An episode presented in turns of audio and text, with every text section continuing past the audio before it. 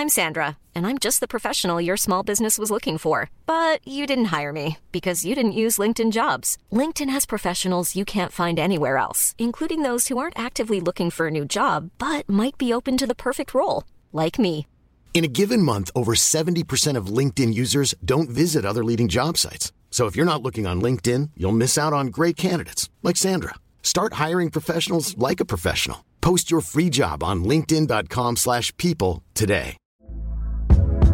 Hey there, it's Michelle Norris. I'm host of a podcast called Your Mama's Kitchen. When I travel, I'm usually looking for a way to find a taste of home when I'm not at home. And one of the things I love to do when I am at home is entertain. And Airbnb allows me to do that. When I was in California recently, I rented a house that had a great kitchen. And when we were sitting around the table, we we're all thinking, we're in someone else's house. Someone could be in all of our homes as well. If you have a home, but you're not always at home, you have an Airbnb. Your home might be worth more than you think. Find out how much at airbnb.com/slash host. Wow. Nice. Yeah. What you're hearing are the sounds of people everywhere putting on Bombas socks, underwear, and t-shirts made from absurdly soft materials that feel like plush clouds. Yeah, that plush. And the best part? For every item you purchase, Bombas donates another to someone facing homelessness. Bombas. Big comfort for everyone. Go to bombas.com slash ACAST and use code ACAST for 20% off your first purchase. That's bombas.com slash ACAST. Code ACAST. Jag tänkte bara börja. Vilka krav ni har. Ja, eller hur? podden, liksom. Man ska med sig grejer. Sen ska man hålla micken rätt liksom. F- En första fråga bara. En vild fråga. Har du läst Sten Nordland? Hans böcker om roulette? Nej men jag känner igen namnet om du ska vara ärlig. Sen, för jag har ju läst några roulette, inte rouletteböcker men liksom så olika strategier. Ja. Sen om han hade det kommer jag inte ihåg om det var han, i hans böcker man läste om olika chambre och det var ju massa olika skit i alla fall. För jag sprang, det sjuka är att jag sprang på honom när jag bodde i Spanien i. Torrevieja, utanför Torrevieja. Guadalmar tror jag det hette någonting. Har du bort där? Jag var på semester? några månader. När alla andra åkte till eh, typ så Thailand eller jag vet, Indien eller backpacka Ah, ja. så, så åkte jag dit och då sprang jag på honom. Han var ju speciell, han var ju fascist och bodde där nere. Han Aha. drog tillbaka om Francos tid. Aha. Han var ju besatt av den franska rouletten. Aha, Och övertygad om att Pascal hade behållit någon, att det gick att knäcka den liksom. Ah, ja. Och han hade ju en idé om, jag tror att han, det begreppet han använde var ekart. Alltså att någon gång så skapa så pass mycket o, eh, vad ska man säga, fel, alltså det blir Ojämlikhet. för ojämlikhet. Ja. Och till slut så kommer sannolikheten hämta tillbaka Ja, det. exakt, men det Som är lite så jag spelade de få gånger jag liksom körde. Du kör också efter det Ja. systemet. Och han var ju besatt, han bara, ja, för han hade beställt fram massa, typ så här, alla slag på en tysk Mm, det hade roulette. jag också gjort, som Travemünde. Ja, Travemünde var det han, bord. var det han hade också. Permanenser kallas det för. Ja, så han hade ju liksom hundratusen slag. Ja, det är liksom. som jag hade. Och så satt han på toa och bara så här. Och så hade jag olika, så skrev jag upp varje slag. Ja. Och sen uh, udda, jämna, höga, Ja. låga, rött och svart. Ja. Och så fick man system efter det. Ja precis, för hans idé var ju så här att han bara, jag, behöver, jag har ett system som knäcker den franska rouletten Ja, ja. och jag behöver bara någon nu som, för då kommer ju internetkasinorna, jag behöver någon som kan programmera det här. Aha. Så jag kan spela på 200 bord samtidigt Aha, och hur länge som svårt. helst. Liksom. ja, okej. ja, det blir nog knepigt. Ja men då kan man ju spela med, alltså två röda i rad, Mm. två röda i rad. Alltså du kan ha en miljon olika, Ja, så du kan betta hela det är tiden. så jag höll liksom. på också med. Två eller tre, eh, svarta eller höga eller låga. Ja, men liksom precis. Olika. Ja. Men, men har, du, har du testat det Lite grann. Ja, vart var det någonstans? Nej men det körde jag bara hemma på nätet. Så det var inga Ah, okej. konstigheter. Men var det, och funkar det? Ja, det funkar ju om man har tid på sig. Men, Ja. då, men liksom, du kan ju gå back. Egentligen så kan du gå back en dag, men så som jag spelade, då satt jag och väntade och ja, ungefär som han då. Att, Ja. Så att jag skulle varit minus 10 eller 20 enheter, eller 20 slag. Och sen att det skulle jämna ut sig under dagen. Då, liksom. Ja. Så det är jävligt simpelt egentligen. Men vi, vi testade det systemet och, i en, i en, bara i en maskin. Alltså inte på allvar då. okej. För då kan man ju spela det mot, okej vi spelar två miljoner spel. Liksom. Ja, okej. Ja. Och då gick det första gången Aha. Plus jättemycket. Vi Ja, körde ja. in det i datorn. Ja, ja. Vi bara herregud, nu har vi ju, vi, vi kommer ju kunna tälja guld här liksom. Ja, ja. Men sen så körde vi det, samma sak, två miljoner igen, två nummer igen, två nummer igen, två nummer. Körde 20 gånger och Ah, ja. det 50-50 som vi Aha, gick okej. plus då. Liksom. Ja, ja, okej. Ja, ja. Så att för oss funkar inte det systemet. Nej, nej. liksom, för att sannolikheten tar inte hänsyn till tidsperspektiv. Som, Nej. eller liksom, den bryr sig inte om det. Nej. Liksom. Så vi var lite knäckta av det. Jag hade en som jag träffade på, ute på krogen. Han var riktigt spelare, han var känd som det också. Så han, eh, det var på 90-talet. Ja, kom vi börja snacka om spel och sådär. Han visste ju, det hade ju stått mycket om roulette i tidningarna för mig. Sådär. Eh, Så han sa, kom ska jag visa det Tommy. Ja, så var vi på kaféet. Han spelade typ, säg nollan då, och så Mm. numren bredvid. Så jag kommer inte ihåg om det var två eller tre neighbors. Så det var det 26, 32, 3 och ja, de som ligger bredvid nollan. Mm. Så han hade köpt ett eget hjul, stått Okej. hemma och slagit. Och sen du vet innan croupieren säger inga mer insatser. Då visste han typ att kulan snurrade och det, vi- vilket, vid vilket nummer liksom innan det skulle börja vika. Då. Ah, ja, okej. Och så visste han. Så han eh, typ satte kanske 7 av 10 spel. Så, Jaha, okej. så han bedömde hastigheten. på alltså. kulan och vart strax innan då croupieren säger inga mer spel. Ja, just det. Och då visste han där kulan var, så såg han vad bordet var, vilket nummer som var. Ja. Ja. jag vet inte hur han räknade ut det där. Typ, då visade han mig, 7 av 10 så satte han. Så säg att han satte fem, fem nummer då. Mm. Men jag menar, det är ju bara att räkna. Ja, det Sätt, bara- ja, då räcker det att sätta en av sju Mm. för att det ska gå plus minus noll så man får precis. 35 gånger tillbaka. Och det räcker ju att man, roulettens taktik är ju att nollan gör ju att Ja, den, att den vinner mer än 50%. Liksom. ja den, det är, Och detsamma gäller ju själv, alltså det räcker att man vinner mer än 50% så Mm. är man ju överlag, eller översett över tid hemma. så han var ju portad på många, och jag har en tjejkompis då som, eh, hon var croupier Mm. i Stockholm på krogarna. Så han fick aldrig spela hos henne. typ så här för att hon visste att han vann ju alltid liksom, Ja. i, i långa loppet. Så han kunde ju åka så här, "Ja, vi åker till Enköping ikväll. Ja, då drog han hem en femma eller en tia liksom. Och då hinner han ju inte bli portad överallt heller. Ja just det. Fan, då får man väl gå Det känns ju som att det kommer, förr eller senare så kommer det sluta med eh, att du antingen går samma öde till möte som Djokovic på Solvalla eller så slutar det med rysk roulette istället. De sista spelen. God middag, god middag. Som ni ser så snöar det en smula över nejden. Det plockar fram ett eh, vanligt måttband. Idrotten i Sverige har två organisationer. Den ena är konkret. Ja, både Lena och eh, Anette tyckte jag gick väldigt bra för. Det är kul att vara igång igen förresten. Riksidrottsförbundet med kansli, chefer och handlingsplaner. Vi är ju liksom inte nöjda med det här för vi känner att vi kan gå på alla. Hi, I'm Daniel, founder of Pretty Litter. Cats and cat owners deserve better than any old fashioned litter. That's why I teamed up with scientists and veterinarians to create Pretty Litter. Its innovative crystal formula has superior odor control and weighs up to 80% less than clay litter. Pretty Litter even monitors health by changing colors to help detect early signs of potential illness. It's the world's smartest kitty litter. Go to prettylitter.com and use code ACAST for 20% off your first order and a free cat toy. Terms and conditions apply. See site for details. I'm Sandra, and I'm just the professional your small business was looking for. But you didn't hire me because you didn't use LinkedIn jobs. LinkedIn has professionals you can't find anywhere else, including those who aren't actively looking for a new job but might be open to the perfect role, like me. In a given month, over 70% of LinkedIn users don't visit other leading job sites. So if you're not looking on LinkedIn, you'll miss out on great candidates like Sandra. Start hiring professionals like a professional. Post your free job on linkedin.com/people slash people Nice. Yeah. What you're hearing are the sounds of people everywhere putting on Bombas socks, underwear, and t-shirts made from absurdly soft materials that feel like plush clouds. Yeah, that plush. And the best part? For every item you purchase, Bombas donates another to someone facing homelessness. Bombas. Big comfort for everyone. Go to bombas.com slash ACAST and use code ACAST for 20% off your first purchase. That's bombas.com slash ACAST. Code ACAST.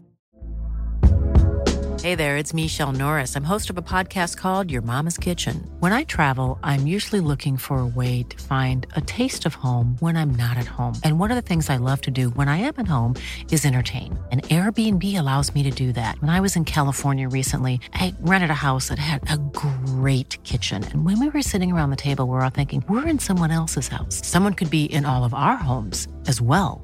If you have a home, but you're not always at home, you have an Airbnb. Your home might be worth more than you think. Find out how much at airbnb.com/slash host. Eller, eller jag ska vara bäst. Vi kan gå på alla.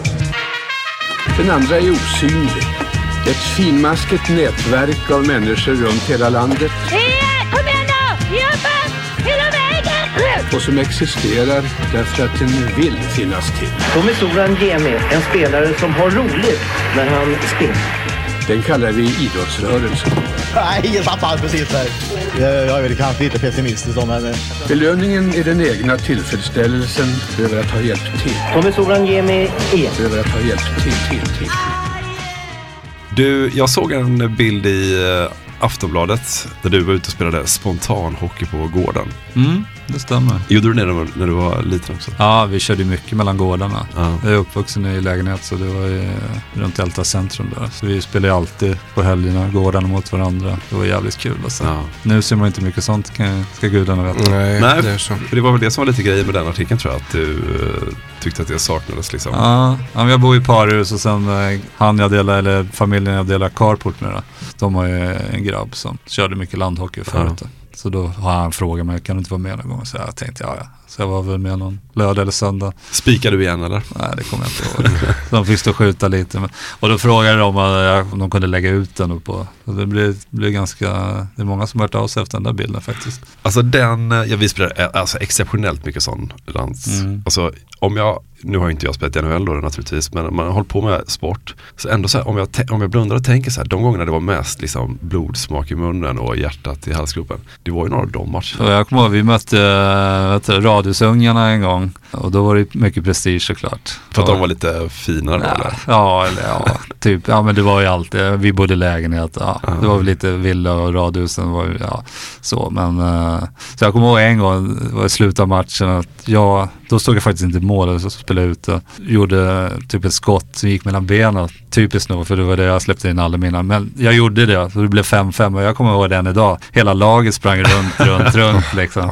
Så att, eh, det är många goda minnen från det där. Hade ni inlines då eller körde ni? Nej, nej, nej. nej. Det gick sprang inte. liksom? Nej, vi sprang. Berätta lite mer om din uppväxt i Älta där. Hur, du bodde i lägenhet sa du? Jag bor i lägenhet, jag har en brorsa, en storebrorsa som är fem år äldre. Eh, han är den smarta, inte jag. Han pluggade vidare och håller på med data. Eller gjorde, nu är han pensionerad. Farsan ställningsbyggare sedan han var 15. Morsan uh, jobbar på posten. Mm. Hon jobbar på Stockholm Ban där de, där de sorterade posten en gång i tiden på nätterna. Så hon var ju hemma på dagarna med oss ungar. Det var ju många mammor som var det på den tiden. Och sen eh, blev hon postkassörska. Massa år sedan när vi blev äldre, jag och brorsan. En riktig arbetarfamilj. Ja, men klassisk arbetarklassbakgrund. Ja. Eh, Skönt när man får en sån riktigt. Ja, det är bara för en gåshud nästan. Ehm, Så ni vet vad jag röstar på. jag Man ska inte lämna sina rötter som jag brukar säga. Eh, jag var i Piteå för några veckor sedan och träffade Lasse Lindgren och spelade landhockey med honom för att han växte upp samma gata som Stefan Persson. Okej. Och de möts ju många år senare i en Stanley Cup-final. Vi tyckte det var otroligt häftigt att de spelar Aha. Ja, landhockey på en gata. Sen 30 år senare så möts de alltså i det finaste, häftigaste man Cool. kan spela i. Stefan Persson Islanders, Ja. eh, Lasse Lindgren i Vancouver. Mm. Jag vet inte hur det kom sig, det måste ha med dig att göra Emil, men då får jag så här, när ni var här ute och spelade och morsan ropade på er att maten var klar, det Mm. berättade ni, det var så det gick till. Ja. Vad var det bästa att komma hem till? vilken la- vilken ma- vill du ha lagad då? Då svarade de bara så här, kotletter. här, yes. vad, vad tyckte du var bäst att komma hem till? Morsans Ja, kotlett lagade var det mat. inte. Jag gillar inte potatis i sin renaste form. Potatismos gillar jag pommes frites och så, men Ja, kokt potatis var inte min grej. Men det, var inte, det blev aldrig bra på den tiden. Nej. Sönderkokt potatis. Ja, så så- att farsan han gillade det, var ju så här, potatismos och lever. Oh, det, det vägrade jag. Så jag, egentligen är jag uppvuxen på filmjölk och socker. och det var alltså, ja, men, ja, ja, men vill du inte ha mat, laga- ja, då får du gå hungrig. Ja, det är lugnt liksom. och sen efter ett tag, morsan jag är hungrig liksom. Ja, men ta lite fil då liksom. Ja. Alltså, jag tycker det är helt sjukt att man lyckades bygga en enda muskelfiber i sin kropp med tanke Ja. på hur man åt då. Alltså nu är lite Kalaspuffar smäller det i. Ja, bara, och sen bara cykla så här svinlångt till skolan, står sig hela vägen till lunch på liksom kalaspuffar och mjölk. Så här, fan, Ja, är det var för lite jävla- hardcore då. det stod liksom, vi hade ju så strösocker också på bordet, det stod en skål med Ja. en sked i. Så Mm. man tog cornflakes så var det liksom också två teskedar fick jag strö Teskedar över. alltså. Men men jag kommer ihåg, det var ju, ja, först körde man tjockfil, sen började jag med lättfil. Men det, liksom, det var ju, sen var det ett lager med socker på. Ja, Det var jävligt gott. ja jävligt. Det var ju inte heller något överflöd av eh, frukt kan inte jag minnas att man liksom tryckte fyra äpplen och två bananer och lite vindruvor och sådär. Utan det var väl vid högtider. Det dök man- upp lite frukt där. Ja, vid jul så fanns lite frukt där. Annars så. Frukt äter man inte än idag. Inte jag i alla fall. Jag är dålig för det. Alltså har jag det hemma, går jag förbi en frukt kan jag ta det men jag är liksom alldeles sugen på en frukt. Alltså magen skriker inte efter. Jag är ju sockertorsk. Så, att, Ja. så det står Men- härliga. O- Det är bra att vara ihop med en tjej då som är diabetiker. Ja, just Med det. diabetes. Ja. Ja, det är räddningen. Men vanliga ostmackor är gött också. När man Ja. har tränat och hållit på och bara komma hem och smälla i sig. Ja, Skinka för min del. Men var det, var det en, en, en lugn och trygg och, och varm uppväxt? Verkligen. Ja. Det var skitbra. Det var mycket unga på gården. Pärorna var hemma, eller morsan var hemma på dagarna. Farsan jobbade och sådär. Och sen, Mm. Ja, han körde inte träningen, Älta. Stod där och frös på den där jävla uterinken. Ja. Jag har bara bra minnen från min uppväxt. Och jag, eh, vad ska man säga, jag har ju med mig de värderingarna nu också. Var du bra direkt eller? Målvakt eller? Ja, alltså var det urtalang eller var det liksom? Eh, ja, det vet jag inte vad jag ska säga men jag kom ju med TV-pucken och det var väl så här Folksam Cup, vad fanns Mm. något som hette, det var väl innan TV-pucken då på den tiden. Så jag var med då, men då tror jag bara var tredje keeper. Eh, TV-pucken var andra keeper så att, I Stockholmslaget I Stockholmslaget. då? Och då fanns det bara ett lag? ja det fanns bara ett lag. Idag finns det nord och syd va? Ja, exakt, men då, Jonas Karlsson fanns det en målvakt som hette. Så han och jag hade mycket bataljer ihop, vi spelade Mm. ihop i juniorlandslaget och sådär. Så att, Fanns det någon annan i det TV-pucklaget som senare blev något så att säga? Som man... Humlan, Ja, ja. Peter Humla, Hammarström. Ja, ja. Petri Limatainen. ja, just det. Håkan Galliamotsas kom väl hyfsat Mm. högt upp men han var aldrig elitserien tror jag. Limatainen hade ju en lång karriär. Mm, hade ju. Humlan också. Och, men då, nu är vi framme i tiden när du har gått till Djurgården va? Jag gick till Djurgården året innan TV-pucken. Ja. Vi spelade i Älta och i Sankt Erikscupen som hette då så vi vann ju serien elit typ en eller två gånger men vi gick aldrig till final i Sankta. Så det var, man Nej. tyckte man var surt. Mm. Man har ju varit och kollat där på Hovet när de delade ut pris efter pris efter pris. Man ville vara med där men i Älta gick vi aldrig dit till final. Då gick jag till Djurgården, vi splittrade slaget och gick till Djurgården, några AIK, Hammarby, Huddinge. Var det någon skillnad då? Eh, Idag är det ju jätteskillnad på om du kommer till en SHL-klubb eller elitserieklubb eller allsvensk klubb eller division 1-klubb. Var det känslan är att AIK, Hammarby, Huddinge, Djurgården var lite så här, Djurgården lite snäppet vassare kanske? Eh, hur tänker du på resurser och så då eller? Ja, eller om det fanns en status i om du gick till Huddinge eller till Djurgården. Aha, nej jag tänkte inte så mycket på status utan jag var djurgårdare. Ja, så jag hade, så. och då var det ju som så att han som var lagledare i Älta, han var, hade årskort på Djurgårdens matcher. Mm. Så han hade lärt känna några som eh, var lagledare i Djurgårdens 69 då. Så vi var några stycken som brukar få biljetter till matcherna. Så jag hade ju varit på mycket Djurgårdsmatcher, stått i klacken och skrikit Mm. Riddevalla och Djurgården och fan hans moster. Värre saker än så. Ja, ja, ja, ja, kanske. Och Håkan Loob eh, och Ja, Peter exakt. Loob och sådär. Den ramsan. ja, kom in till Eye of the Tiger som de hade på den tiden i Djurgården. Så jag var ju djurgårdare så jag ville bara till Djurgården. Finns det drömmar då om att eh, nu, nu siktar jag på A-lagsspel här? Ja, jag har, har faktiskt haft ganska så här modesta mål i min karriär. Först kom jag till Djurgården, sen spelade BJ, spelade AI och sen tänkte jag, ja, det vore kul att komma till A-laget. Och sen när man väl var i A-laget så, ja, kanske vore kul att spela landslaget. Och sen efter det, ja, kanske kul att bli proffs liksom. Så att, Lite steg för steg. Steg så. för steg, har Mm. jag, så har jag känt i alla fall. Jag var ju nära att lägga av några gånger. Både när jag gick från, eh, från BI till AI. Jag jobbade på Atlas Copco då. Gick i deras yrkesskola i Sickla. Då jobbade man ju typ så här halv sju till tre eller ja, halv fyra eller sådär. Då gillade inte jag sommarträningen. Och då hade vi Bostedt som tränare. Mm. Så jag ringde och sa till honom, kommer ihåg än idag, jag sitter i köket och har sagt till morsan och farsan, "Ja, men jag kommer sluta för jag pallar inte mer att träna och jobba liksom. Men då sa han, men Tommy vänta lite, jag ska snacka med Leffe Bork. Eh, För han var ju tränare för A-laget. Ja, så ringde han tillbaka efter någon vecka. Så ja, men vi har kommit överens att du får träna sommarträning hemma. Du kan komma in om det var en dag i veckan eller jag kommer inte ihåg då. Fick jag göra det den sommaren. Så att eh, jag har Bostedt och Leffe Bork att tacka för mycket. Fan, jag trodde inte Bork skulle släppa den alltså. Ja. Nej, inte... Eller? Jag vet inte om jag var med då i juniorlandslagen och sådär så de ville väl liksom, Mm. kanske inte Ja, just det. låta mig gå och lägga av bara för en sån grej. Liksom. Nej. Och då Det- fattade vi grejen. Det är tufft när man är 16-17 och Mm. jobbar fullt och sen åka och träna. Liksom. Det är några goda hockeysäsonger där. 83 vinner Djurgården SM-guld. 84 är det väl final mot AIK va? SM-final mot Mm, AIK. exakt. Har Per inte Erik sett. spelade väl i Gnager då. Eklund. Jag spelade ju med honom i Philadelphia sen. När jag kom till Philadelphia. Men Djurgården är ju verkligen eh, Sveriges bästa hockeylag här på, på 80-talet. Och Mm. framförallt sen då eh, när du kom in i A-laget också. Ja, slutet av 80-talet, eller 90, då var det final tror jag tre gånger. Jag tror vi vann väl två gånger på raken. Eller så, Ja, eller? tre. Vann vi tre på raken? 89, tror jag? 90, 91. Ja, ja, okej, ja du ser. Ja, men 89 var inte jag med. Jag var väl tredje keeper då. Ja, just det. För då är det Riddervall som står. Ja, Riddervall, exakt. Som var din stora idol. Min stora idol, exakt. Hur fan gör man när man är i samma omklädningsrum som sin idol? Men det var Vad gör stort, man? var ju stort som fan då. Jag skrev brev till honom när jag var 14 och ville få ett så här signerat kort tillbaka och det fick jag. Mm. så att, Och sen så stod jag alltid när man spelade i AJ, BJ, då stod man i gången där inför matcherna. Kollade när de gick ut till Aidu Tiger. Mm. Eh, så det var ju stort, se Roffe. Och sen få spela med honom då, både i Djurgården och sen i landslaget. Så det var jättekul. Han var inte heller så stor som målvakt va? Nej, han var inte så Eh, stor heller. Jag döpte ju min hund efter honom, min första hund.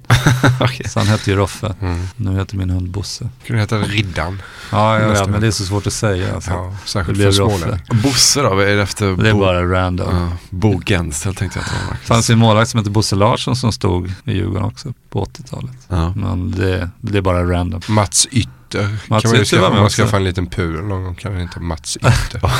Han är ju polis nu va? ja, jag träffade honom i Västerås. Ja, han Eh, förra vintern tror jag, då fick jag en eh, målvaktsklubb av honom. Ja, ja. Signerad. Snyggt. Fanns en Cooper, Aha, svart. okej.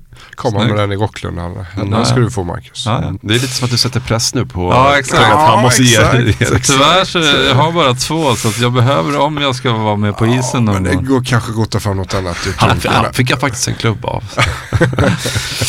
Men eh, okej, så Riddervall eh, går till Team Boro. Exakt. För att de kastar massa pengar på honom. Money talks. Så jag hade, jag, jag var ju andra bakom Roffe då 89-90 va. Och jag spelade ju bara fyra matcher så jag var ju så jävla less på det där. Så Ja. tänkte jag, ja, jag slutar efter den här säsongen. Igen. Igen alltså. Och då tänkte jag, okej men jag har ju rouletten att falla tillbaka på så jag kan köra det istället. Men då drog jag han. Då tänkte jag, ja men jag kör ett år till. Det Men på jag, den här tiden kan man leva på hockeyn då eller? Ja, det kunde man väl. Eller ja, jag tror jag hade 10 000 i månaden. Men då var det så, det gick ju så bra för mig på, på, i starten. Så då kom jag typ och, och då var det så här, man var lite naiv på den tiden, det är kanske fortfarande, men då var Expressen med hem till mig efter matchen, efter någon av matcherna. Albert Svanberg var det. Åh jäkla Ja, stort. de, gjorde något, de ville göra något efter, jag vet inte, säga efter 10 matcher då. För då sa ah, var är det lön då? Typ så, ah, jag kommer inte ihåg. Kan ha varit 15, men jag tror det var 10 000. Jag stod i det i tidningen dagen efter. Så ah, Djurgårdens fynd, gratis, han spelar gratis typ så här, 10 papp i månaden. Ja, jag tänkte shit, hur fan ska det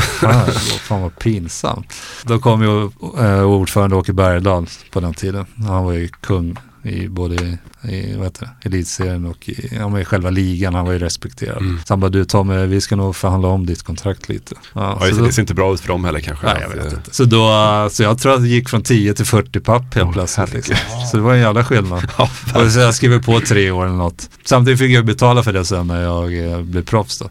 För då fick jag köpa ut mig själv för jag hade ju några år kvar på mitt kontrakt. Att, Ja, just det. Ja, Men fick ju en bra lön kanske. ja exakt. Globen är nybyggt också. Ni har Mm. flyttat in i Globen och får vinna tre guld där. Mm. 89, 90, 91 och sådär. Elitserien heter fortfarande Elitserien. Mm. Eh, Tack gode gud. Det, det är till och med ett avbrott efter jul och sådär. Man Ja, var det delar upp, ja men två lag åker ner i allsvenskan Aha, efter okej. jul och Var det sådär. så? Och så Okej. spelar man Det menar vidare vad jag fortsättningsserie. Så det hände Ja, ja. lite mer grejer i svensk hockey. Ja, ja. Inte Var det Villa långa- Väsby var uppe eller var det 87 eller? Ja, Ja, tog tre poäng eller vad gjorde de? ja, fyra kanske. VM-guld 81 eller 91 Åby. Mm. Men då står du inte... Åby? Ja, Åbo. Åbo. Sorry. Gjort mycket Ja. fotbollsavsnitt här sista tiden. exakt. Ja. Åbo Eriksson. Mm. Åh, herregud. Men då är du inte första målvakt. Nej, då är jag tredje keeper. Ja, just det. Det är jag, Pekka och Roffe Ryddervall. Ja, jävla tungt. eh, Pekka målvakt. ägde Hamburg Börs kan jag tala om. Han var ju skadad första veckan. Så Okej. jag fick vandrekeeper. Right. Ja, han var nog inte den enda som ägde Hamburg Börs på den tiden. Det var ett bra ställe. Äh, var Jag var någonstans? typ aldrig ute. Men, Var då någonstans? Eh, Eh, här i Stockholm det? Ja, men det nej, ligger ju- i Helsingfors Ja. eller om det var i Åbo, någon av städerna. Jaha. Nej, det var inte Hamburg Börs här utan det, det fanns Ah, samma i Ah, ja. den finska Vad- staden. Vad är det för ställe då? Ja, det var ju en nattklubb. Ja. Så han var ju skadad så att Så på Okej. den tiden så, det var lite annorlunda. Det var ju till, till och med journalisterna som luktade sprit i omklädningsrummet Ja. på förmiddagsträningarna. Ja, jag kan tänka mig det. Det var Ingen de namn sista ljuva åren där. Ingen namn, ingen eh, nämnd, men Rökte han? Eh, Såg du Pekka röka någon gång? nej det tror jag inte. Nej, aldrig. Nej. Han skulle ha skadat sig en gång när han trillade ut från ett sånt litet fönster. Eh, han tjuvrökte i omklädningsrummet. Ja. Så trillade han ut när han satt och vippade vickade där uppe. Ja. Skadade sig. Det kan måste vara svårt att få försäkringspengar på en sån skada. Men det, det kan man titta på något annat. Men Åbo 91, vi har gjort ett avsnitt om Åbo 91. Det är ju det sista riktigt stora VMet. Jag vet att du vinner Fick man inte vara 92 med, också. Så. Nej, just det, jag spelade inte då. När Sverige faktiskt slår Sovjetunionen Ja, och vinner eh, hela skiten och sådär. Garpen får en crosschecking på hakan Ja, i sista slutsekunden. Lomaki. Då. Vi såg, han har ju kvar i ärret i ansiktet. Ja, man men ser det jävlar på det där. Alltså. Och det, var- då är, jag tror till och med att det är så att det är avblåst. Alltså det, Ja, jag tror det det blåses slut. av och Ja, sen exakt. kommer den. Ja, jag det är så det. oerhört. Det, ja. Sudden, fintar någon back där och lägger mellan benen på, vad fan hette keepern där? borde jag ju veta. Jag spelar många matcher mot honom. Ja, skitsamma. Ja, han som bara faller bak. Ja, exakt. Mm, just det. Trefilo tror jag. Ja, det var det nog ja. Just det. Var du med uppe i studion där hos Lars-Gunnar Björklund och Tom Engström? Ja, det var ju alla hela, hela men jag var ju inte ombud så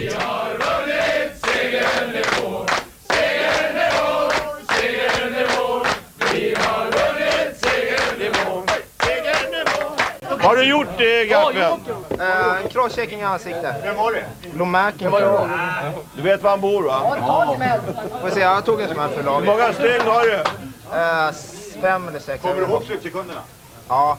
Men det var ju kul ändå att vinna VM-guld när man var, måste jag tänka, jag var ju 21 år. Ja, just det. Få stå på Sergels torg var jävligt kul. Men du har ju också sagt att du inte räknade riktigt som ett... Nej, exakt. Det var dit jag skulle komma. Men just det är ändå, när man är 21 så var det ändå kul att få vara med om det. Men Ja. som SM-guldet 2000, det, är- det var kul att vi vann. Men, och det är bra för föreningen, men själv så var det så här, ja, mina medaljer är borta. Eller jag har gett bort de flesta. Jag har en kvar, jag har VM-guld 92. Tänkte den ska jag ha kvar på hemmet och hänga upp så att Du har gett bort de andra alltså? har gett bort dem. Till vem? Olika faktiskt. Barn som jag känner och sen så gav jag faktiskt en till Leijnegard för han är ju superhockeyintresserad. Ja. Men sen så hörde jag Du någon... skaffar sig fördelar, alltså, till nattduell. exakt. En Extra brännvin när man är på Mästarnas Mästare. ja, men det var, jag gick ju vidare till semifinal så då får man ju åka hem. Jag var i grupp ett och då får man ju vara hemma i Sverige en vecka. Och sen så kom jag tillbaka till det kan ta med det. Så hade jag frågat henne i personalen, vad tror du, tycker han det är töntigt eller inte? Nej men han älskar ju hockey så att det är nog kul. Men sen hörde jag, han var ju med i något radioprogram för då hade det kommit ut någonstans att han hade fått den där. Så var det någon reporter hade frågat, så, ja, jag hörde att du fick en guldmedalj. Och ja, det var jättekul. Så, ja, vad, vilken plats hänger den på då i hemmet? Eller, så, Nej, men det ligger i barnens leksakslåda. Då tänkte jag, ja, då hade jag kunnat gett den till, då hade jag kunnat gett den till någon annan som hade tyckt det var roligare här. Jävlar vilken är. Vi har inte lyckats träffa någon tror jag som är rädd om sina medaljer. Det var Stefan. Rehn var vi hemma hos, han hittade ju inte sin Nej. bronsmedalj från VM 94 till exempel. Jo, Ulrika Knape var jävligt noga. Ja, hon hade koll hon hade koll på sina medaljer. Det är nog fan den enda. Jag är så förundrad så här, för ibland så ser man ju så här, hemma hos reportage hos vissa, det kan vara i hockeyspelare, fotboll eller vad. De har liksom en hel källare full med sina egna prylar. Tänkte så här, vad fan, Ja. är man egenkär då eller är det bara att man, ja, varför vill man ha, Nej. ha det liksom? Det har man ju sett ganska ofta att de som har varit väldigt framgångsrika har sådana rum. Ja. Jag har inte en pryl hemma så. Jag har ju andras prylar hemma. Det är inte lika konstigt. Nej, det är inte konstigt.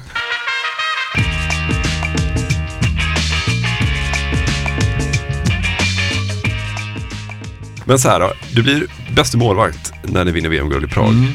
92. Och så är det Söderström! Utmärkt Söderström, utmärkt! Som åker rakt igenom. Och så Sverige inte får inte pucken. Jutila får inte pucken. Oj, och oj, oj. är där! Titta vilken plockning! Här snackar vi om Ketterer när vi har Tommy Söderström från Djurgården. Blomsten stöter på där nere. Och så kan det bli skott här. Ah, här, här kommer det finns mål. Nej, ändå Nej inte. då. Nej, nej, nej! Varför säger jag så? Varför litar jag inte på Tommy Söderström? Är det det som gör att du sen kan draftas till Philadelphia? Eller Nej. vad är det som gör att de får upp ögonen på dig? Nej, det- jag var nog draftad innan va? Ja, det, det var så? Ja, Inge Hammarström draftade mig. Eller- Draftad men inte erbjuden kontrakt. Nej, nej, exakt. Utan- Men exakt. det sker när du gör den här kanon-VM. Ja, jag tror det. Minns du vad du var när du fick veta så här att en... Jag tror att jag fick reda på det på någon så sommarträning vi hade ute på Gärdet. Då kommer en person fram till dig. Ja, exakt, men då tror jag, jag undrar om det inte var så Lasse Falk eller det var någon som sa det. Jag fan jag hörde att du blev draftad, kul eller något sånt. Jag bara, ja. Fattade Okej. ingenting liksom. Och det här var har, du, nog- har du några detaljer på det? Så här, vart? Ja, exakt. Och då, för sen tror jag att det var det som gjorde det lite att de ville ha mig, det var Canada Cup 91. Det gick ju ganska bra där för mig. Ja. Jag fick ett skott på näsan Mhm. av Steve Larmer. Men så blodet rann ju och sådär. Det gillar jag med för jag fortsatte ju spela. Så hade jag fått åka redan då så hade jag gjort det. För jag, de var tydligen lite intresserade att jag skulle komma över direkt då. Men då hade jag ju kontrakt med Djurgården. Ah, okay. Så det var ju lite svårt. Men det där skottet, det har man ju sett på bild någonstans och hört lite om och sådär. Mm. fan kan det ta så illa? Du hade ju galler. Ja, Men det är för att du har det här dåliga gallret, är det inte därför? Ja men gallret åker in ju Ja. på näsan. Och jag är lite, har man lång snok som mig så då är det lättare att ta. Men det var ju tur att den tog på galler och inte på hjälmen. Tar den på hjälmen då, kuddarna på baksidan gör ju att, att den eh, sprider smällen. Mm. Och då spricker ju huden. Det har ju spruckit ett par gånger när man var på träning och fått ett skott i pannan. Och då hade jag inte kunnat fortsätta. Om jag hade haft en sån här långt där i pannan. Hit